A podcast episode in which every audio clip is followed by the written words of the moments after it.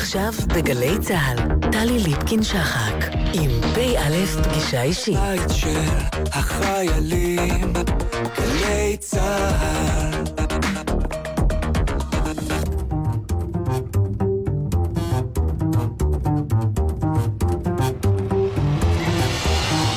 כמה דברים שאתם צריכים לדעת על תת-אלוף במילואים מאיר אלרן. הוא נולד בשנת 1944, ובילדותו התגורר בחיפה.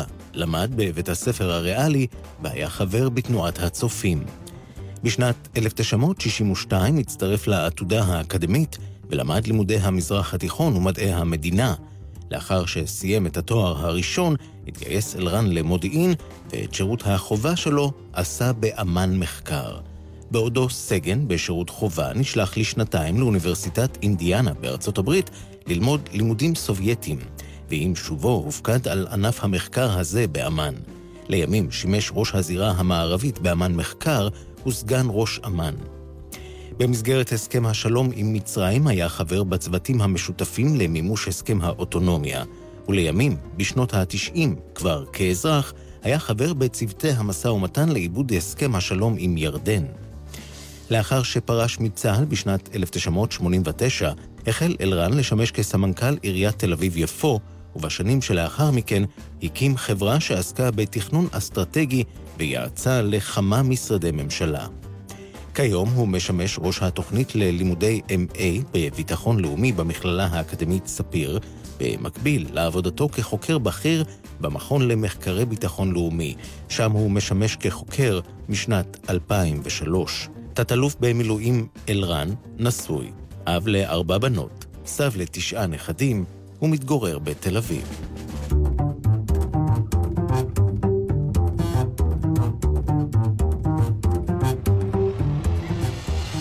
פגישה אישית, תת-אלוף במילואים דוקטור מאיר אלרן, חוקר בכיר במכון למחקרי ביטחון לאומי, שלום לך.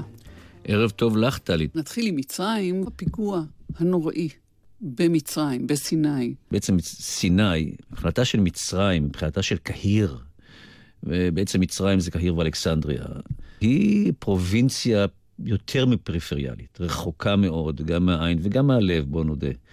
ובתור שכזו, אה, מתאפשר שם כל מיני גידולי פרס סרטניים, כמו באמת מה שקורה עכשיו.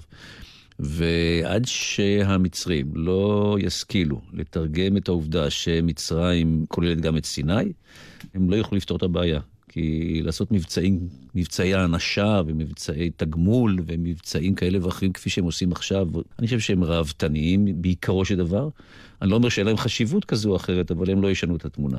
עד כמה מצרים של היום דומה לזו שאל מולה עשיתם את uh, תהליך השלום, ותגיד משהו על התפקיד שלך בתהליך. הייתי בזמנו מה שנקרא אז ראש הזירה המערבית.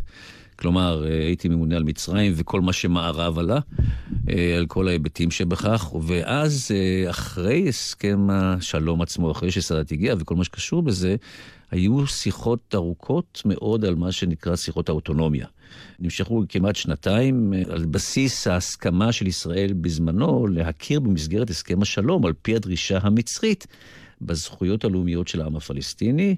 בזמנו הסכים אה, בגין, זיכרונו לברכה, למה שהוא קרא אז אוטונומיה לפלסטינים. ואז בעצם תפקידנו היה ללוות את המשלחת הישראלית בראשותו של הדוקטור אה, בורג, אה, זכרו לברכה, שהיה איש מיוחד במינו, והתנהלו שיחות אה, לסירוגין באלכסנדריה, בקהיר ואצלנו בתל אביב ובהרצליה, על מנת לבדוק איך אפשר לתרגם את האמירה הכללית הזאת לאיזושהי פרקטיקה פוליטית. זה היה אגב נדון מראש לכישלון, בגלל שישראל לא באמת הסכימה בזמנו.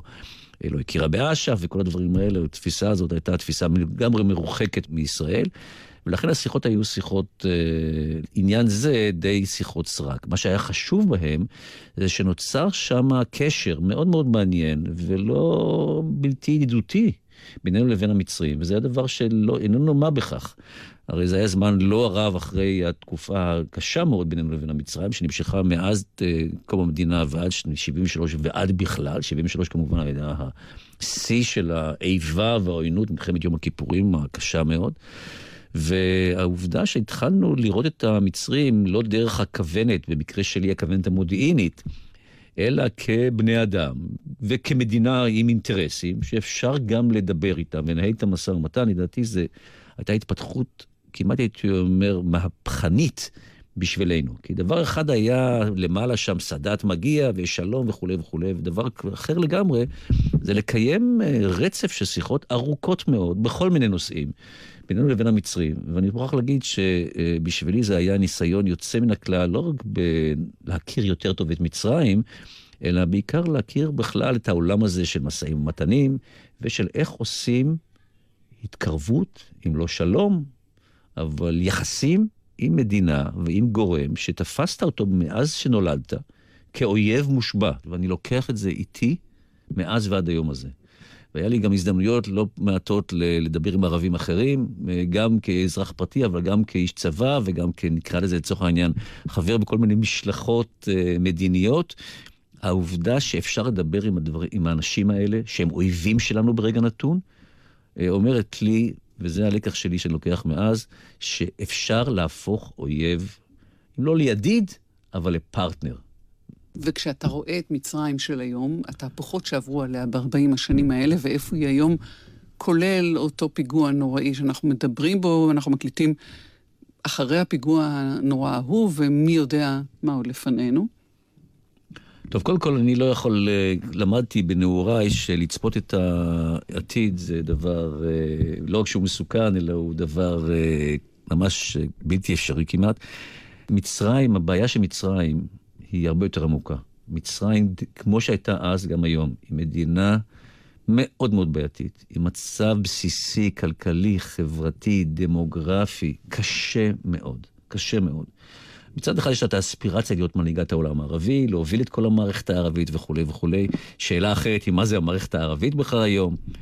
אבל מצרים ללא ספק רואה את עצמה כמדינה ערבית מובילה, אבל מתחת לזה, מתחת לאמירה הזאת, לשאיפה הזאת, יש uh, חולשה נוראית. וזאת הבעיה העיקרית של הממשלה המצרית, של הנשיא המצרי, איך הוא מקדם את הסיטואציה הזאת לכלל איזושהי פריחה, או מניעה של הידרדרות וקריסה. ולדעתי הם כל הזמן חיים על סף קריסה. הבעיה האמיתית של מצרים זה איך מביאים לחם לאנשים, ואיך מביאים חינוך, ואיך מביאים תעסוקה, וכל הדברים האלה אינם במצרים היום, כפי שהם לא היו לפני 40 שנה. היה לך תפקיד כדרכם של אנשי המודיעין בשלום עם ירדן. כן, כבר הייתי אז משוחרר דרך אגב, אז קראו לי למילואים. מוכרח להגיד, דרך אגב, הייתי 24 שנים בצבא, זה לא כך הרבה, אבל זה בכל אופן אה, דור. ואני לא הייתי לוחם, הייתי תמיד איש מודיעין, ו... אבל היו לי כל מיני חוויות בשירות הצבאי שלי, ושתי החוויות הכי משמעותיות שלי מהשירות זה ההשתתפות שלי בשיחות עם המצרים בשנות ה-70, וההשתתפות שלי בשיחות עם הירדנים בשנות ה-90. בזמנו שהתחילו השיחות עם המצרים, הייתה משלחת, המשלחת הישראלית, שאגב בראשותו של השופט העליון בדימוס, אה, חברי הטוב אליקים רובינשטיין, אה, שהוא איש יוצא מן הכלל גם כנושא ונותן. הוא היה ראש המשלחת, אה, ואז הם הרכיבו כל מיני קבוצות עבודה. הייתה קבוצת עבודה אחת שהייתה קבוצה צבאית, בראשותו של אה, ראש אגף התכנון דאז עוזי דיין.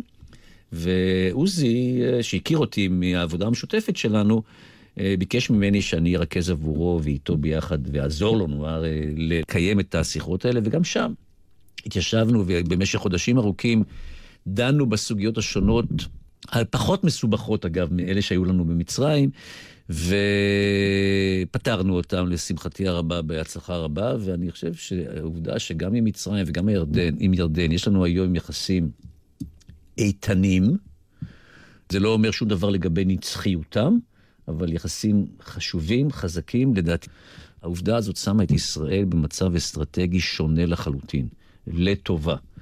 ואני חושב שבשבילי, ההשתתפות שלי בעניין הזה הייתה סוג של שיא של העשייה שלי בתחומים האלה, ואני מאוד גאה בכך. אז נדבר עכשיו על רוסיה. אוקיי. Okay. כי אתה כקצין צעיר באמ"ן, כן. נשלחת להתמחות ברוסיה. כן, אז אה, לא ברוסיה, על רוסיה, כן. הייתי קצין צעיר בשירות חובה, ואז הייתה מלחמת uh, ששת הימים, 67, וכולם יודעים את הסיפור של 67, סיפור ההצלחה המסחרר של צה"ל בכלל, וגם של המודיעין עקב כך. ראש אמ"ן דאז היה האלוף אהרון יריב, איש מיוחד במינו, זיכרונו לברכה. יום אחד, אה, כחודש אחרי המלחמה, הוא קורא לי אליו, הוא נקראתי ללשכתו. וזה דבר מאוד מאוד לא מקובל, שסגן, הייתי עוד בשירות חובה עוד, אה, סגן בשירות חובה נקרא לראש אמ"ן לאיזו שיחה אישית. טוב, כמובן, בפיק ברכיים עליתי למעלה ללשכה, זה בסך הכל היה קומה אחת מעלינו דאז, ונכנסתי אליו, ואז הוא אמר לי את הדברים הבאים, אני זוכר את זה כאילו שזה היה אתמול. הוא אמר לי, תשמע, אה, אנחנו הבנו כתוצאה, אחד הלקחים שלנו מהמלחמה הזאת, מלחמת ששת הימים היה שאנחנו עכשיו מחפשים איפה אנחנו, איפה הבעיות שלנו לראייה קדימה.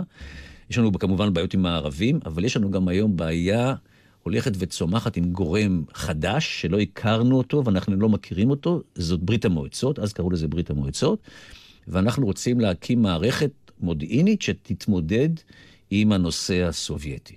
אני ככה מקשיב, ככה ברוב קשב כמובן, לא, לאן, זה, לאן הוא חותר. ואז הוא אומר לי, אני, אנחנו הסתכלנו ימינה ושמאלה ולא מצאנו אנשים שיוכלו לעזור לנו בעניין הזה. ובהתייעצות אה, שאנחנו ערכנו, הגענו למסקנה שאנחנו צריכים אה, מישהו שיקים את המערכת הזאת, והחלטנו שאתה תהיה האיש הזה. אמרתי לו, כבוד גדול וכולי וכולי, אבל אה, אין לי מושג בתחום הזה. אז הוא אמר, אנחנו מבינים שאתה לא יודע, אבל יש לנו ראייה ארוכת טווח. ואנחנו רוצים לשלוח אותך לארצות הברית, זה היה, לאוניברסיטת אינדיאנה. אגב, שם אה, יש עד היום מרכז אה, חשוב לחקר רוסיה ומזרח אירופה, ששם גם אז וגם היום יודעים הרבה מאוד מהבכירים של ה-CIA והמערכת המודיעינית האמריקאית. ותיסע לשם, תעשה את הלימודי התואר השני שלך, ותחזור אלינו ותקים את העניין. וכך היה, אני, זה היה שנת 68. אה, נסעתי לארה"ב, שם עד שנת 70, עשיתי את הלימודים שם, למדתי לראשונה לעומק, ואני חושב שזו הייתה תרומה חשובה מאוד בשבילי, ואז בשנת 70 חזרתי והקמתי אכן את הפונקציה המחקרית שעסקה בנושא של ברית המועצות. זה הסיפור. אתה מדבר רוסית? אני דיברתי אז רוסית, ואני למדתי רוסית, לא ידעתי לפני זה, בהתחלה בשיעורים פרטיים, ואחר כך שם באוניברסיטה שם, ודיברתי רוסית, וקראתי רוסית, וכן, בעיקר קראתי דרך אגב. הדיבור הרוסי שלי, בוא נ... זה היה אה, במבטא ישראלי מובהק. ואתה, כאחד המבינים אה, בברית המועצות, ידעת לפרש את התנועה של היועצים הסובייטים כשעזבו את מצרים רגע לפני מלחמת יום הכיפורים? כן, בעיקר את סוריה, כן. אז אני יכול להגיד לך, התשובה הקצרה היא לא. למאזיננו שלא זוכרים את התמונה כפי שהייתה, אני רוצה להזכיר, הימים שאת מדברת עליהם הם השבוע האחרון לפני מלחמת יום הכיפורים.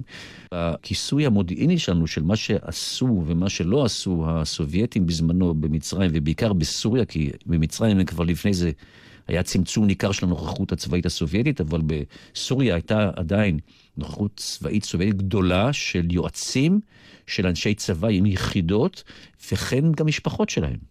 ואנחנו, היה לנו מעקב מודיעיני טוב אה, לגבי מה שהם עושים, ופתאום ראינו ביום רביעי בערב שהם אה, מגיעים מצד אחד מברית המועצות, מגיעים מטוסים, רכבת אווירית, שנחתה בכמה שדות תעופה, אה, בעיקר בדמשק בינלאומי, אבל לא רק, וראינו שכל ה... כמעט כל היועצים ובני משפחותיהם מגיעים באוטובוסים ועוזבים את uh, סוריה. כמובן ש... זאת אומרת, היה לנו מעקב מלא, ידענו בדיוק תמונה מלאה לגבי uh, כמעט מי הולך ומי נשאר. רק לא הבנתם למה. אבל לא הבנו למה, אבל שאלנו את השאלה. וכאן זה מתחבר לס... בכלל לתמונה הכללית של ההבנה או אי ההבנה שלנו במודיעין באותו זמן, מה בכלל קורה סביבנו, כי אנחנו, האמת, היום אנחנו כמובן יודעים, וזה מדהים כמה אז לא הבנו שיש סיפור גדול שהולך ומתרחש לנגד עינינו, גם בסוריה וגם במצרים, שהוא שיאו כמובן בשעה שתיים אחרי הצהריים, באותה שבת, ביום הכיפורים, שמצאנו את עצמנו במלחמה. קוראים לזה כישלון. קוראים לזה כישלון, כי זה אכן לא רק כישלון, אלא זה כישלון מהדהד. אבל בסופו של דבר בואו נבין שלמודיעין באשר הוא, בכל העולם וגם אצלנו, ויש לנו מודיעין לדעתי יוצא מן הכלל. אבל בעיקר ביכולות האיסוף שלו, וכשזה מגיע לתרגום האינפורמציה לכלל הבנה של הסיטואציה מסביבנו אצל האויב, אנחנו ממשיכים להיות, איך אומרים, לא אגיד עיוורים, אבל לא תמיד מבינים בדיוק מה קורה לנו. אתנחתא, תת-אלוף במילואים דוקטור מאיר אלרן, אתנחתא מוסיקלית, נחזור. ביקשת את uh, להקת גזוז שרה רוני? כן, רוני בתי הבכורה, אז uh, גם היא שירתה אגב במודיעין כקצינה, והיום יש לה שלושה ילדים, מקסימים כמובן, ואני אשמח מאוד אם תשמיע את השיר הזה. נשמע ונחזור.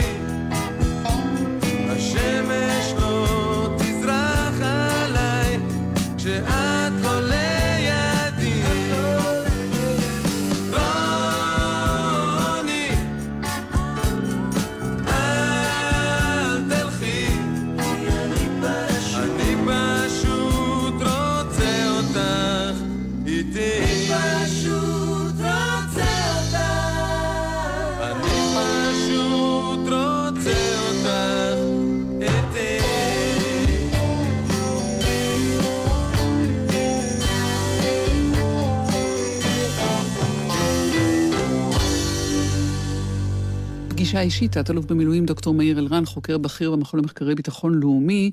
דיברנו על כישלון המודיעין ביום הכיפורים ועל ההבנה הסובייטית או הרוסית שרכשת בשתי שנות לימוד אה, באינדיאנה.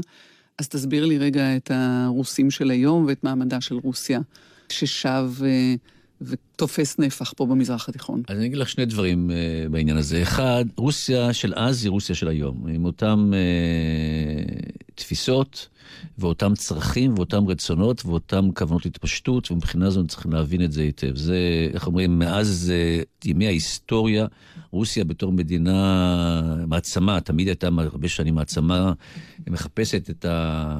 ההתפשטות ואת יכולת התמרון וההפעלה שלה בכל מיני זירות, והמזרח התיכון היא זירה טבעית ומתבקשת בעבורה. נקודה ראשונה. נקודה שנייה, אני רוצה לומר כאן דעה.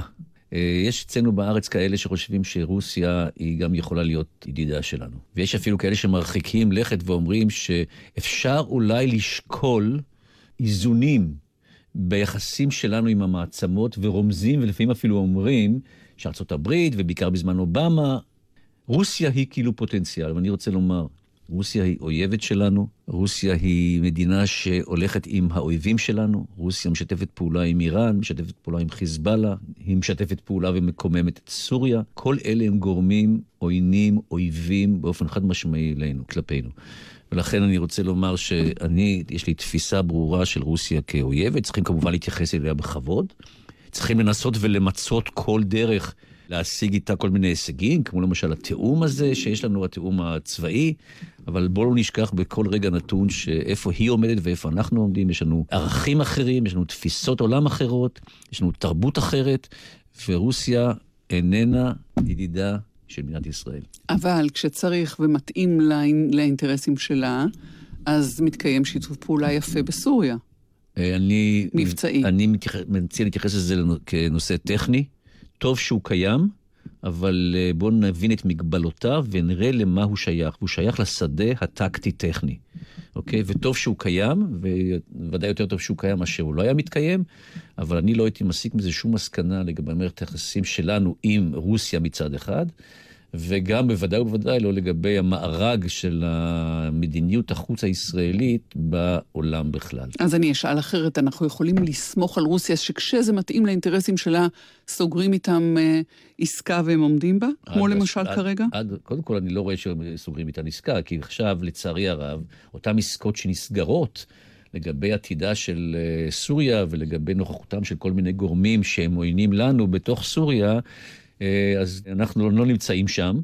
אנחנו מתדבקים על הדלתות ולא כך נכנסים פנימה לתוך ההיכל, וכשאנחנו שומעים, לפעמים באיחור, מה אה, מסוכם שם בתוך ההיכלות האלה של משא ומתן, הם לא תמיד מתאימים לנו.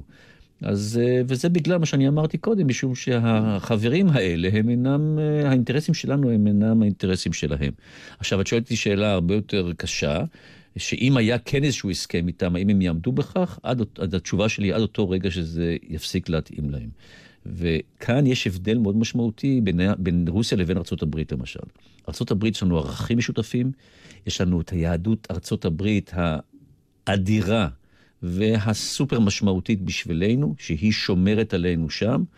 ואין לנו את זה ברוסיה, וזה הבדל אחר לגמרי, זה שני עולמות, ואני מציע להתייחס אליהם כשני עולמות שאין לגזור גזירה שווה מהאחד לשני. אתה עוד ממשיך אה, ועוקב למשל אחרי עיתונות רוסית, או כל אותם דברים שעושה איש מודיעין כשהוא מתמחה ברוסיה, או בסובייטים? אז אני אגיד לך, טלי, אני, התשובה היא לא. אני קורא דברים שנכתבים, אבל אני לא נכנס פנימה, אני עזבתי את העולם המודיעין. מרגע שעזבתי את הצבא, ואני היום, העולם שמעניין אותי הוא העולם הישראלי, העולם של החברה הישראלית, העולם של האתגרים הפנימיים שלנו. אני מתייחס לנושאים החיצוניים בכלל, ואני רוצה לומר לך, אני ממשיך לעסוק במחקר, כפי שעסקתי גם בעבר, אבל אני חושב שהיום הבעיה מספר אחת שלנו איננה בעיה של אה, מבחוץ, איננה בעיה חיצונית, אלא הבעיות העיקריות שלנו הן בעיות פנימיות. ובכך אני מתעסק. אחד הנושאים שאתה עוסק בהם בהרחבה הוא הגנת העורף, כמו גם אה, הם, היכולת העמידה של העורף, שזה נכון. לא אותו דבר. נושא העמידות, אנחנו קוראים לזה חוסן, אם כי המילה הנכונה באנגלית היא resilience. שזה עמידות. אמרת יכולת עמידה, את צודקת, והיא בעצם היכולת של הציבור הישראלי להתאושש במהירות.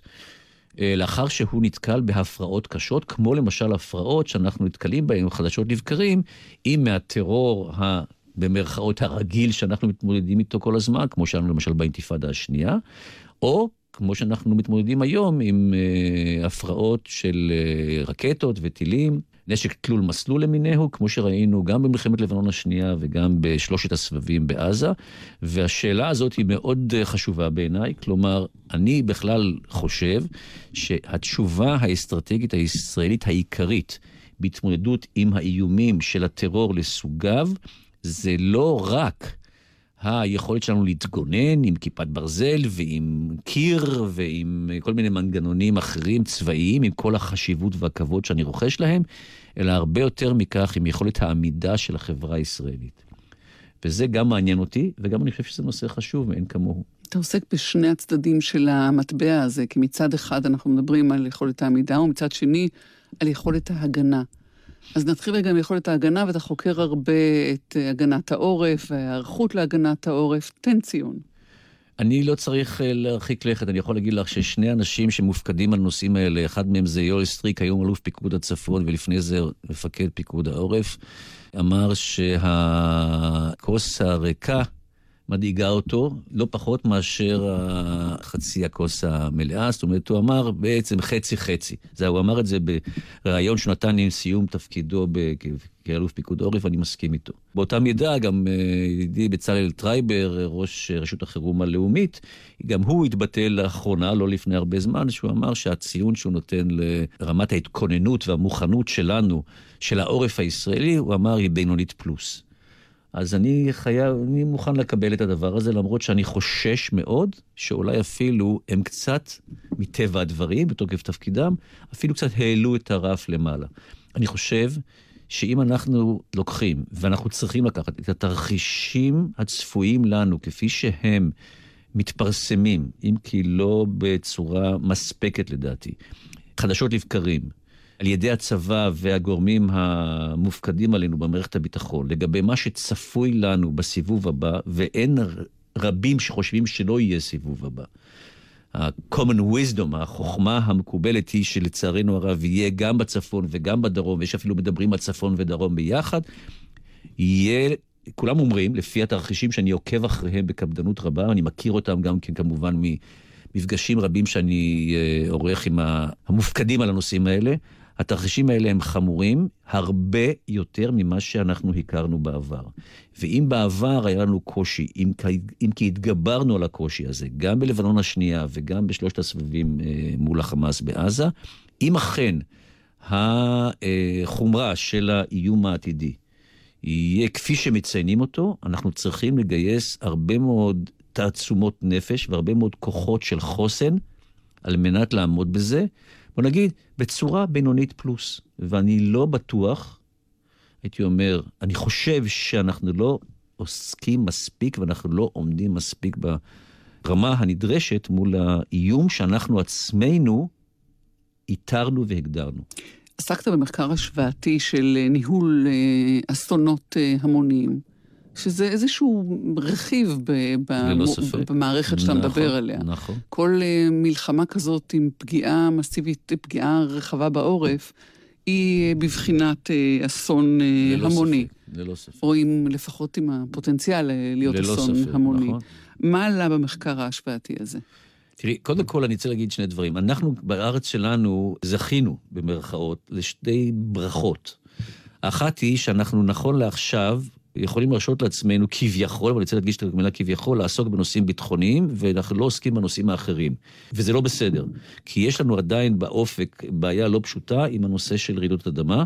הנושא הזה לא פתור, וחומרתו מעל ומעבר לנושא הביטחוני. אז אני שם את זה על המדף, ואני אומר, שימו לב, ואנחנו לא מספיק עוסקים בנושא הזה, והנזק יכול להיות חמור מאין כמוהו. עכשיו, ההערה השנייה שלי היא שעד עכשיו, למרות... שאנחנו עם הטרור לסוגיו, כולל הטרור הטילי והרקטי.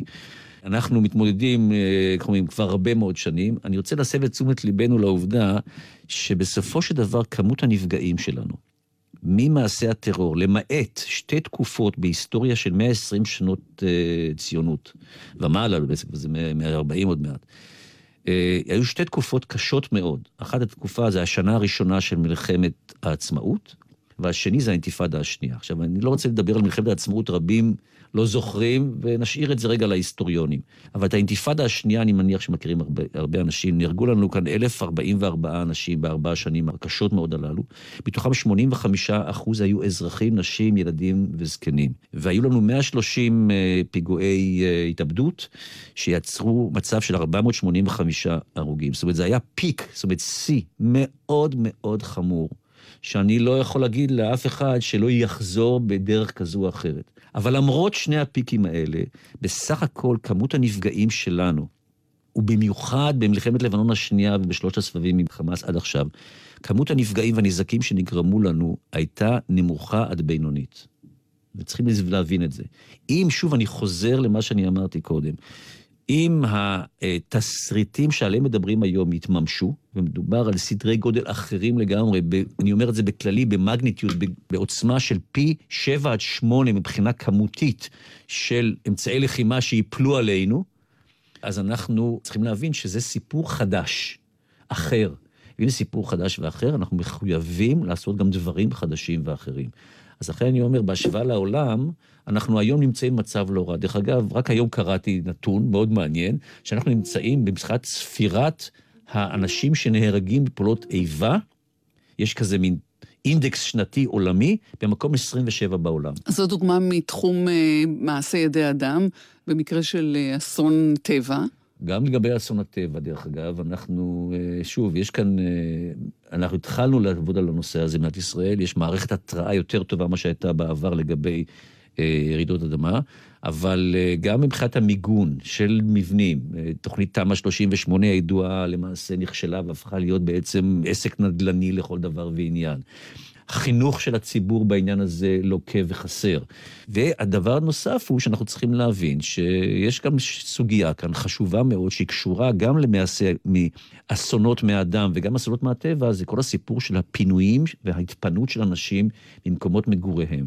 וזו תופעה שעוסקים בה, לדעתי לא מספיק, ואני אומר כאן, לצערי הרב, מדינת ישראל איננה ערוכה לפינויים המוניים.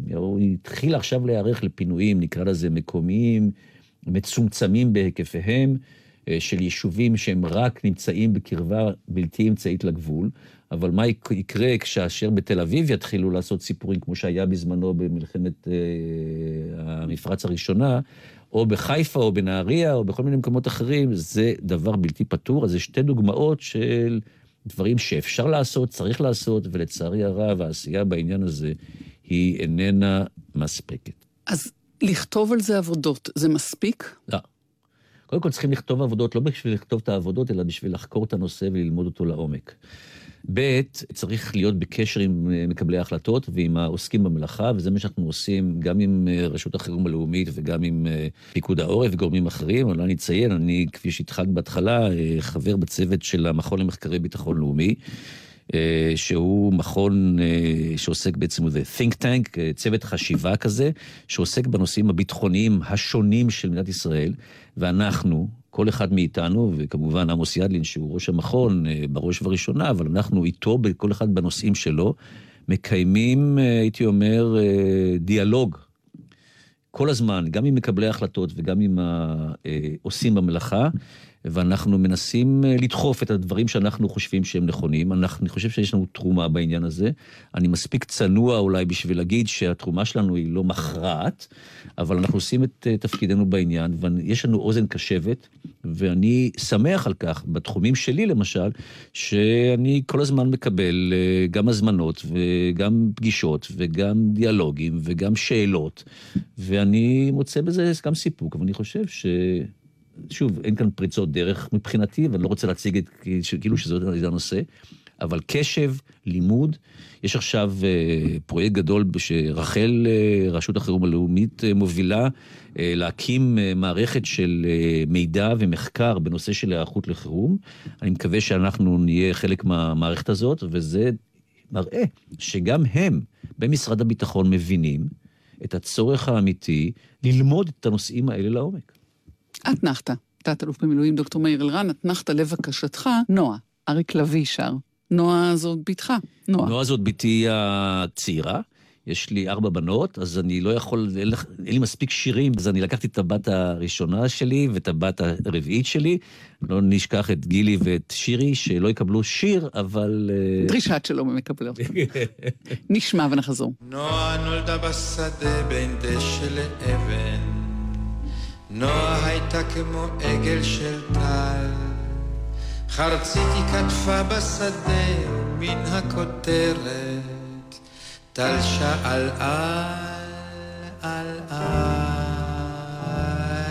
כן או לא, כן או לא, אלף שירים ובשיר נועה, כן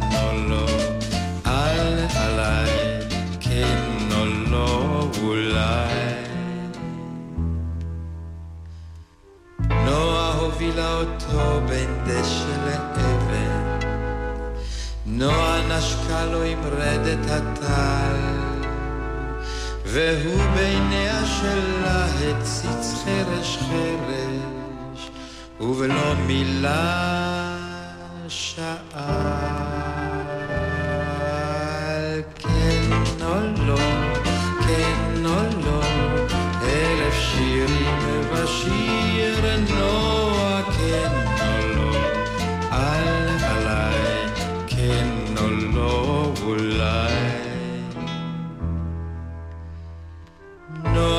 הרחיקה נדוד מדשא מאבן, מטלטליה נמחה לו הטל, ומהחרציות בשדה צופות אחריה, וכל עלי ישאל כן או לא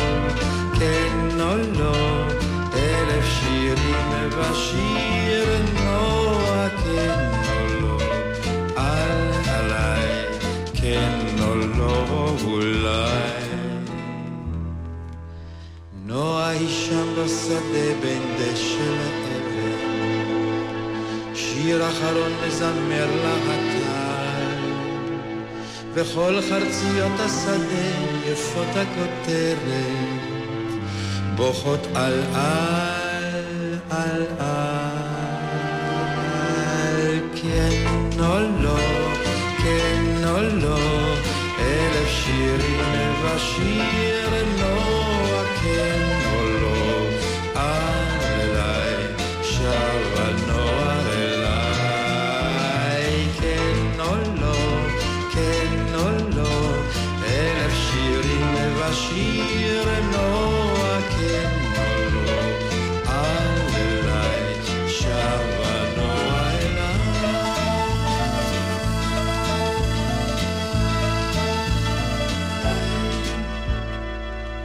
פגישה אישית, תת-אלוף במילואים, דוקטור מאיר אלרן, חוקר בכיר במכון למחקרי ביטחון לאומי, וגם uh, מכללת ספיר. הקמתי, ועכשיו אני משמש כראש התוכנית ל-MA בביטחון לאומי, במסגרת המחלקה למינהל ומדיניות ציבורית במכללת ספיר.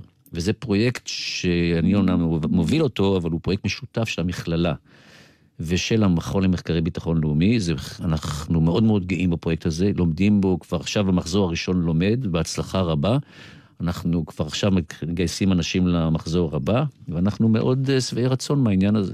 אתם גם uh, קיימתם uh, ממש בימים אלה כנס שעסק בלחצים חברתיים ופוליטיים על ערכי צה"ל. האומנם שאלתם? מה האומנם? יש ספק שיש אז אה, אנחנו, לחצים? אז את רואה, שאלת שאלה טובה. לכן, קודם כל קיימנו את הכנס הזה ביום שישי האחרון, בפני אולם מלא של תלמידים, סטודנטים ואנשי uh, הנגב המערבי. זה היה כנס יוצא מן הכלל, אם אני יכול להעיד על עיסתי. Uh, השתתפו בו גם חוקרים וגם אנשי צבא לשעבר, והיו, היה יוצא מן הכלל. לאורח הכבוד היה שר הביטחון והרמטכ"ל לשעבר בוגי יעלון. ושמנו את השאלה, האומנם, אה, בגלל שאנחנו לא רצינו כאילו להגיע מלכתחילה מתוך איזושהי עמדה ברורה. אבל אה, לצערי, אני חייב לומר, שכל הדוברים הצביעו בדאגה על הלחצים האלה, כלחצים שהם אה, לעיתים מקבלים גוון בלתי ראוי בכל מה שקשור לנושא של צה"ל. ואני רוצה רק להגיד, ברשותך, להתעלות באילן גבוה. אני רוצה להזכיר את נאומו של נשיא המדינה רובי ריבלין, בפתיחה של המושב הנוכחי של הכנסת, שהוא יצא חוצץ כנגד הפגיעה בממלכתיות הישראלית, ואז הוא אמר, מי הבא אחריו? האם צה"ל? האם צבא ההגנה לישראל הוא הבא אחריו? ואני רוצה לומר שאני חושש מאוד שאם לא ניזהר, והמנהיגים שלנו לא ייזהרו, הם יכולים לפגוע, כפי שהם פוגעים עכשיו, במערכות ממשל חיוניות ממלכתיות, והמשטרה זה הדוגמה הנוכחית. כבר יש רמזים והיו התבטאויות שהן מאוד מאוד חמורות מבחינתו של צה"ל. ולכן הכנס הזה, אני חושב, היה חשוב, דן בהיבטים השונים, ואני מקווה שיש לזה גם תהודה. אה, בציבור הרחב. אבל בוא נשאל, אפשר שהשאלה של ערכי צה"ל והצורך בשמירה עליהם היא גם אה, נוסטלגית במידת מה. יכול להיות שערכי צה"ל צריכים להתעדכן ביחס לשינויים החברתיים, התרבותיים, גם הגלובליים, הגיאופוליטיים, לא יודעת. קודם כל הם צריכים. וערכים ש... למרות שאני חושב שיש גם כן ערכים אוניברסליים ונצחיים, ואני חושב שצריכים לזכור אותם. ובכנס מישהו הזכיר את השיר הידוע של אלתרמן על המקרה שהיה בזמנו ב-48 מלחמת השחרור ברמלה או בלוד, אני לא זוכר בדיוק עם הג'יפ, ואני לא רוצה לצטט את הדבר הזה. על זאת נקרא okay. השיר. אוקיי, okay, אז uh, יש גם ערכים כאלה, אבל אני מסכים איתך לחלוטין, טלי, שיש דברים שצריכים לעדכן אותם, ואכן ערכי צה"ל זה מסמך שמתעדכן חדשות לבקרים, והוא צריך אולי להתעדכן בצורה יותר תדירה.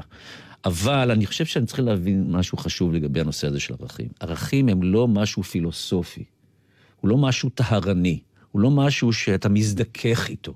ערכים זה בסיס לפעולה של מסגרת. לכל מסגרת צריך את הערכים שלה. גם לגלי צה"ל צריך שיהיה ערכים שלו.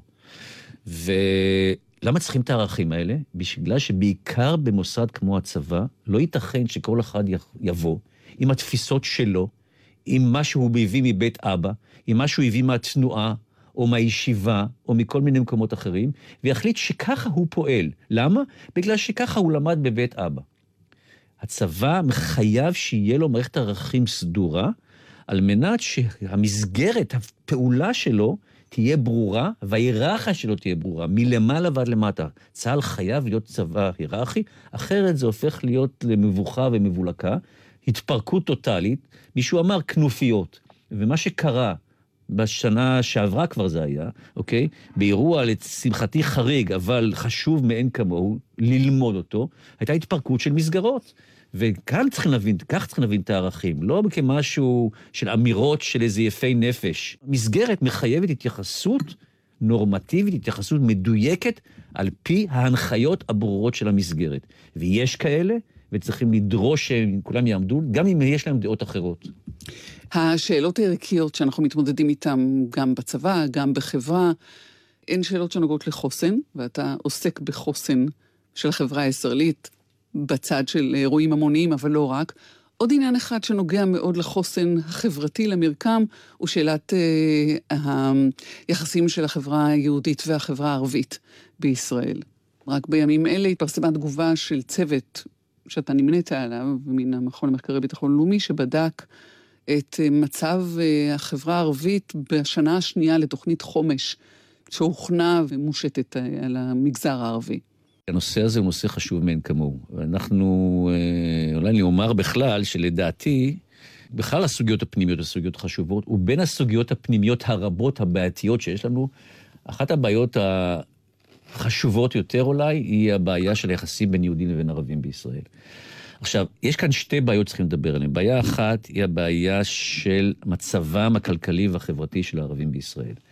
אנחנו מדברים על סדר גודל של כ-20 אחוז, יחד עם תושבי מזרח ירושלים, 17.5 אחוז בלי מזרח ירושלים, שהתרומה שלהם לתוצר הלאומי הגולמי היא פחות מ-8 אחוז. ולכן הם נמצאים במצב שבו לא הם לא יכולים, הם לא יודעים איך לתרום לכלכלה ולרווחה הישראלית הכללית. של עצמם כמובן, אבל גם שלי ושלך. Mm-hmm. ולכן חשוב מאוד, וזאת הכרה שהממשלה הגיעה אליה, ואני מברך על כך, שחשוב מאוד למדינת ישראל, בגלל האינטרסים שלנו כמדינה, אינטרסים כלכליים בעיקר, אבל זה לא דבר של מה בכך, לקדם את מצבם הכלכלי, בעיקר באמצעות חינוך, באמצעות תעסוקה, באמצעות דיור, של הערבים, של המגזר הערבי, על מנת שאלה יוכלו להיות, איך אומרים, אה, ליטול חלק אקטיבי ומפותח ומתפתח אה, בחברה הישראלית. ולכן יש תוכנית החומש הזאת, שאני חושב שזו תוכנית יוצאת מן הכלל, אני רוצה לברך עליה. ואני רוצה לא רק לברך עליה, גם כן לומר שמי שעוסק במלאכה, למרות שאפשר היה לצפות ללחצים פוליטיים מהרמה הממשלתית, צוות שהוא מורכב מהרשות לפיתוח הכלכלי של החברה הערבית במשרד, ה... שנקרא משרד לשוויון כלכלי בראשותה של השרה אה, גמליאל, וצוות של אגף התקציבים באוצר, מובילים את המהלך הזה מול הרשויות המקומיות הערביות, ובשיתוף עם ההנהגה הערבית, אני רוצה להדגיש את הנקודה הזאת, כבר שנתיים בצורה מעוררת הערכה. וכל הכבוד להם על העבודה הזאת. אז זה דבר אחד, וזה חשוב מאוד שזה מתקיים, וזה חשוב מאוד שזה מתפתח, אבל אני מוכרח לציין שהמאזינים שלנו לא יחשבו ששם הכל שושנים, יש הרבה בעיות ביישום של זה הלכה למעשה. יש ככל הנראה יותר בעיות מאשר אין בעיות. נכון, אבל מצד שני זה מתקדם למרות הקשיים האלה, וזה דבר חשוב מאין כמוהו. ולכן, זו נקודה ראשונה. ויש נקודה שנייה שהיא הרבה יותר בעייתית, וזה היחסים וההתייחסות של הרוב היהודי אל המיעוט הערבי. וכאן יש לנו בעיה גדולה מאוד, משום שעם כל הכבוד לנושאים הכלכליים ולתרומה שאנחנו תורמים היום למגזר הערבי, לטובתנו בסופו של דבר, אנחנו מתנהגים אליהם בצורה לא ראויה. כשאני אומר אנחנו, זה גם הציבור הרחב, שרבים בקרבו מדירים אותם ושונאים אותם ולא רוצים אותם ומתייחסים אליהם כאל אויב, לדעתי שלא בצדק, וזה לא מבוסס לחלוטין, אבל החלק השני זה הפוליטיקאים וההנהגה הציבורית שלנו, שהיא, לצערי הרב, לא רק בימין, אלא גם ב... במרכז ובשמאל, אנחנו שומעים כל מיני קולות של הדרה, של הרחקה, של הדחקה, לא מקבלים אתכם וכולי וכולי. והדברים האלה, זאת אומרת, הסימביוזה הבלתי חיובית הזאת שנוצרת בין ההנהגה מצד אחד לבין הציבור מצד שני, לא אומר כל הציבור, אבל רבים מתוכו, הם רעים מאוד, גרועים מאוד, מדירים, ואני רוצה לומר, כמה כסף שנשפוך, ו-15 מיליארד שקל זה הרבה כסף, גם אם זה לחמש שנים, ובעיקר אם יהיה אחר כך תוכנית חומש נוספת וכולי וכולי, כל הכספים האלה ירדו לטמיון אם אנחנו לא נלווה אותם במדיניות, מה שנקרא מכילה. ומכילה, כלומר להכיל אותם. הם חלק מהכלל, וצריכים להבין את זה. לא כולם אה, מבינים את זה, וצריך תהליך ממושך של חינוך, אני לא מתבייש לומר, של הציבור, להסביר לציבור שלטובתו שלו, אנחנו צריכים להבין שהערבים האלה הם כאן ולהישאר. יש לנו איזו תחושה של פחד. אז הדבר הראשון הוא לאפשר להם ולהכיל אותם, כמו שאני אמרתי קודם, ולחיות איתם ביחד. אה, זה הדבר הכי חשוב שצריך להיות בעניין הזה, ולכן גם לתקשורת, אגב, יש תפקיד מאוד אה, חשוב בעניין הזה. בעיקר, אבל יש תפקיד למשרדי הממשלה, שאיתם בדקתם את היישום של התוכנית. אז אני אומר לך, אני שמח לציין, ואנחנו צריכים לתת מחמאה איפה שמגיע מחמאה.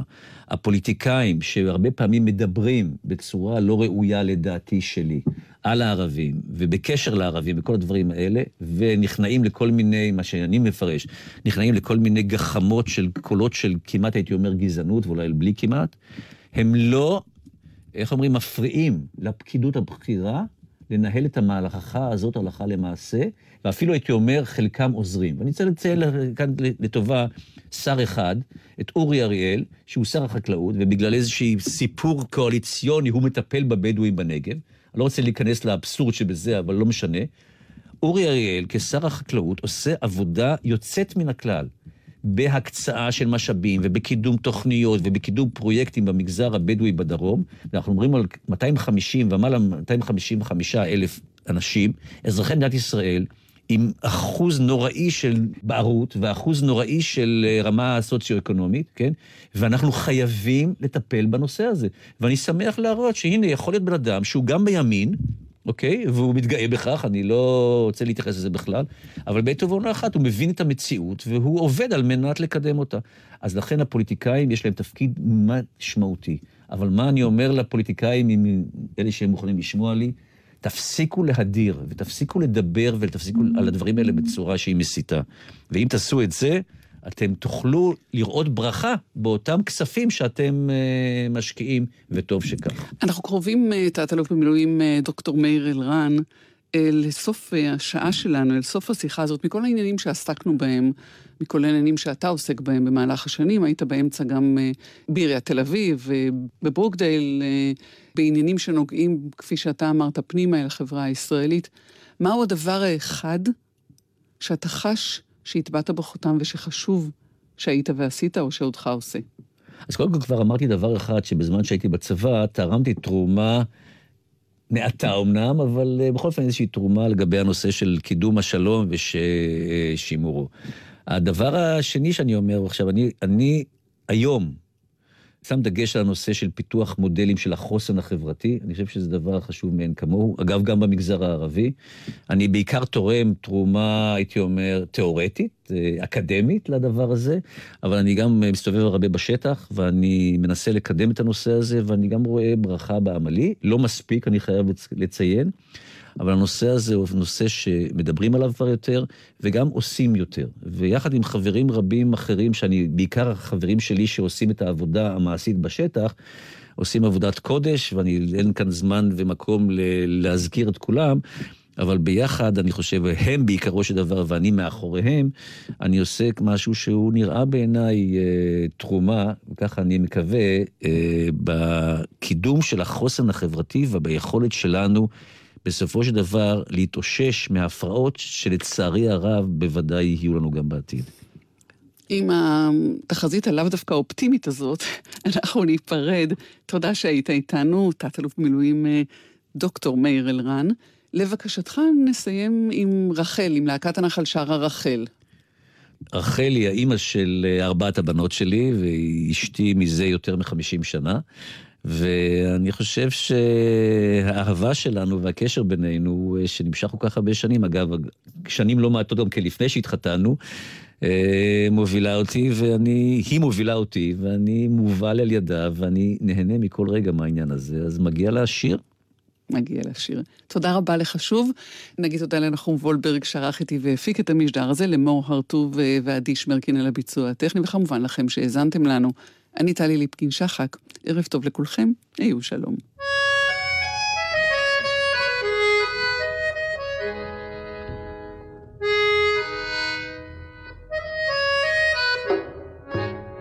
ילדה הייתה אי שם בכפר, בהיטת אבל בשדות דגן, קלעתי כאן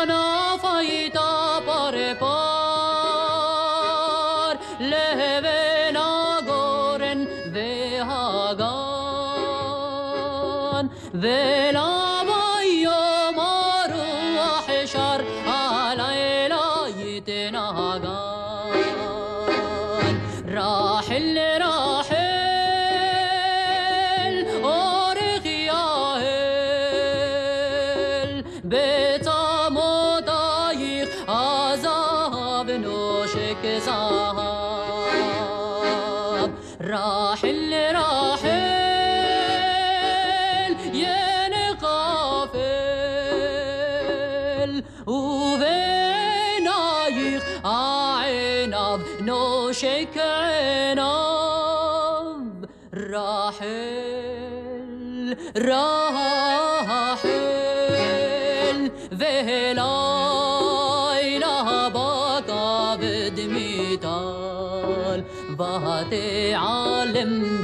dotnehar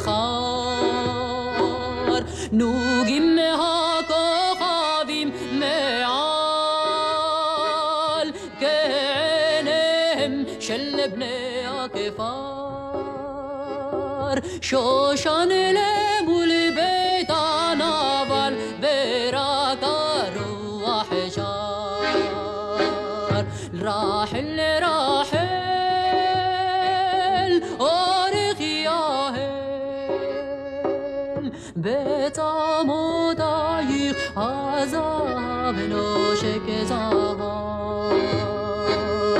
راح اللي راحين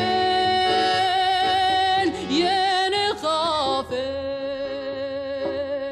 وفين نايف هاعناض نوشك عناض راحل راحل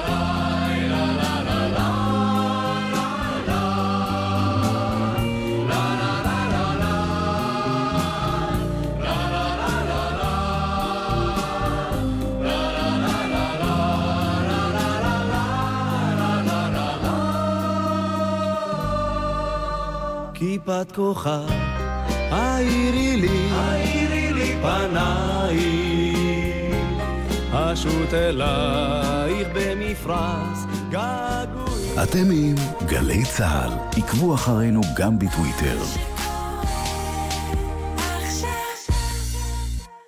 האישה הזאת, העומדת במעבר חצייה, אילו זאת הייתה אשתך, לא היית עוצר לה? אחד מכל ארבעה הולכי רגל שנהרגו בתאונות דרכים נהרג על מעבר חצייה. אילו התייחסנו אליו כאל בן משפחה, זה לא היה קורה. מהיום כולנו נותנים זכות קדימה במעברי החצייה לכל אחד, בכל מצב, כי כולנו נלחמים על החיים. יחד עם הרשות הלאומית לבטיחות בדרכים. אתם מוזמנים לערוץ הפודקאסטים של גלי צה"ל וגלגלצ. אין סוף שעות של תוכן מגוון שיעשירו לכם כל רגע פנוי. תמצאו שם גם את ערן סבג. הערב אנחנו נדבר על פרק כל כך חשוב בהיסטוריה המודרנית של יבשת אפריקה ובכלל של נפש האדם. חפשו את ערוץ הפודקאסטים ביישומון גל"צ גלגלצ. אמא, מתי חנוכה? מתי חנוכה? מתי חנוכה? חנוכף, חנוכף, בגלי צה"ל. חוגגים חנוכה בגלי צה"ל. חנוכף בגלי צה"ל.